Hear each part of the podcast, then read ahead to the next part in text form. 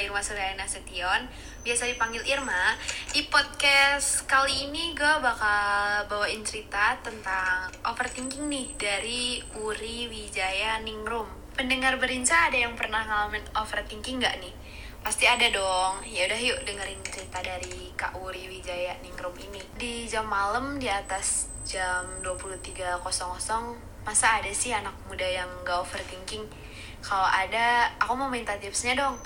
Meskipun aku tahu itu nggak akan berguna karena aku nih agak keras kepala, pasti aku juga bakal mikir apa pun yang terjadi hari ini. Overthinking seringnya muncul ketika kita tidak sedang melakukan apa-apa dan menghilang begitu saja ketika kita sibuk bekerja. Aku jadi bertanya-tanya apakah overthinking termasuk pekerjaan yang harus diselesaikan agar kita bisa tidur nyenyak atau overthinking ada untuk memberikan kita pekerjaan tambahan di waktu luang. Karena overthinking ini seperti menciptakan masalah untuk diselesaikan sendiri, menghadirkan apa yang sebenarnya tidak ada, mencemaskan apa yang belum tentu terjadi.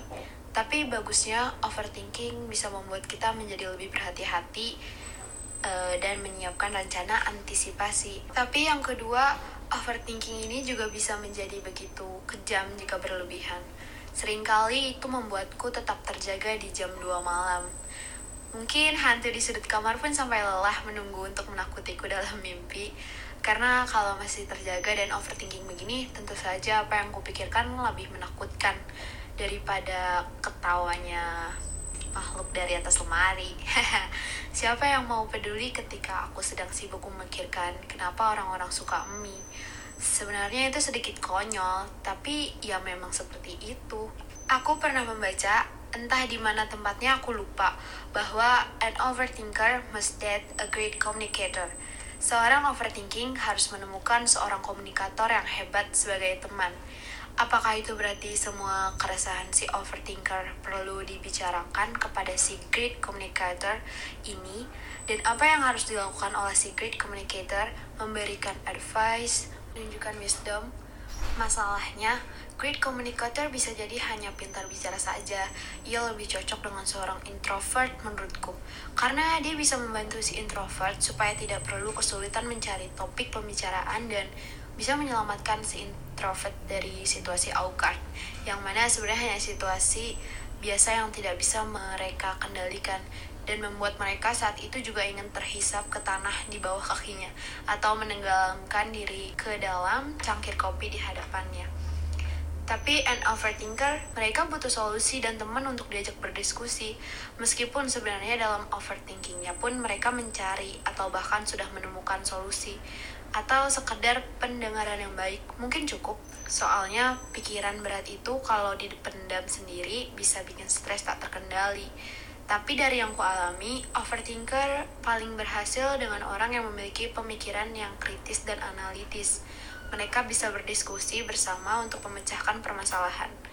Tapi ya itu beda-beda lagi, tergantung sisi lain si overthinker. Dengan si kritis, si overthinker harus bisa menyampaikan keresahannya dengan jelas dan tepat sasaran. Pokoknya kalau bahas overthinking tidak akan ada habisnya, solusinya juga tidak pasti. Overthinking wajar untuk dialami selama masih dalam batasan. Batasannya juga kita sendiri yang mengetahui. Ketika kita merasa sudah tidak sanggup memikirkannya lagi, tapi otak tetap tidak mau berhenti. Lebih baik segera temukan seseorang untuk diajak bicara. Jangan pernah menahan semuanya sendirian, bisa gila, serius, gak bohong. Sakit pikiran berdampak pada kesehatan dan kinerja fisik juga akui saja ketika kita overthinking hingga tidak bisa tidur sampai jam 4 pagi, kemudian harus bekerja jam 8, maka fokus kita akan berkurang. Tenaga juga tidak prima, badan sakit semua. Pokoknya hawanya nggak bersemangat deh, atau kita juga jadi sensitif. Kadang disertai pusing yang cukup bikin emosi membuatku ingin menarik lepas kepala sendiri.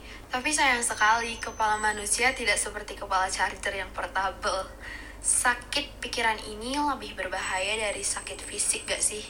Sekalipun itu gagal fungsi hati atau kanker. Sebab begini, jika organ seseorang diserang penyakit, kemudian orang itu tidak bisa diselamatkan, dia benar-benar mati secara harfiah. Ia tubuhnya, ia jiwanya, tapi orang yang sakit pikiran sampai parah, dia bahkan hidup tanpa arah tujuan. Terkadang sampai memiliki kecenderungan menyakiti diri sendiri tidak banyak juga yang melakukan percobaan bunuh diri. Bukan sekali dua kali lagi. Hidup tanpa ketenangan adalah hidup yang paling menyakitkan untuk dijalani. Bukankah mengerikan sekali?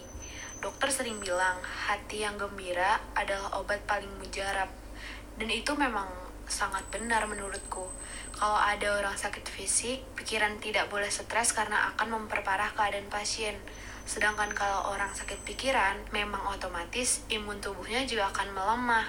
Dan tanpa sadar, paragraf yang kutulis sebelum ini adalah apa yang ku overthinking kan. Saat menulis tentang overthinking itu sendiri, ada overthinking di dalam overthinking. Jika aku tetap terus menulis, ini tidak akan habis. Jadi, aku harus memaksakan diri untuk berhenti. Nah, contoh hal yang gue udah ceritain di atas namanya overthinking, kawan. Apa sih sebenarnya arti dari overthinking itu? Sebenarnya nggak ada definisi yang pasti tentang hal ini. Sederhananya, overthinking artinya adalah sebuah kebiasaan di mana seseorang mikirin sesuatu terus-menerus seolah nggak ada ujungnya. Padahal lo sendiri nggak mikir buat ngelakuin hal tersebut. Tapi sebenarnya overthinking bukan merupakan suatu disorder atau gangguan loh. Overthinking merupakan suatu perilaku di mana lo ngelakuin hal itu berulang kali. Pada akhirnya berubah menjadi suatu kebiasaan yang terekam di alam bawah sadar lo. Tentu hal ini bisa jadi kebiasaan yang buruk. Makanya lo harus bisa mengatasi overthinking tersebut. Salah satu caranya mengubah cara berpikir. Menyuruh diri sendiri untuk berhenti memikirkan sesuatu justru bisa menjadi bumerang. Karena semakin kamu mencoba untuk menghindari pikiran tersebut, maka semakin besar kemungkinan pikiran itu akan muncul. Menyibukkan diri dengan beberapa aktivitas adalah cara terbaik untuk mengubah pikiran. Dengan melakukan banyak hal yang disukai ini akan mengalihkan pikiran-pikiran negatif yang datang. Latihan ini perlu dilakukan dengan konsisten agar terlihat hasilnya. Memang bukan hal yang mudah, karena gue juga merasakan itu.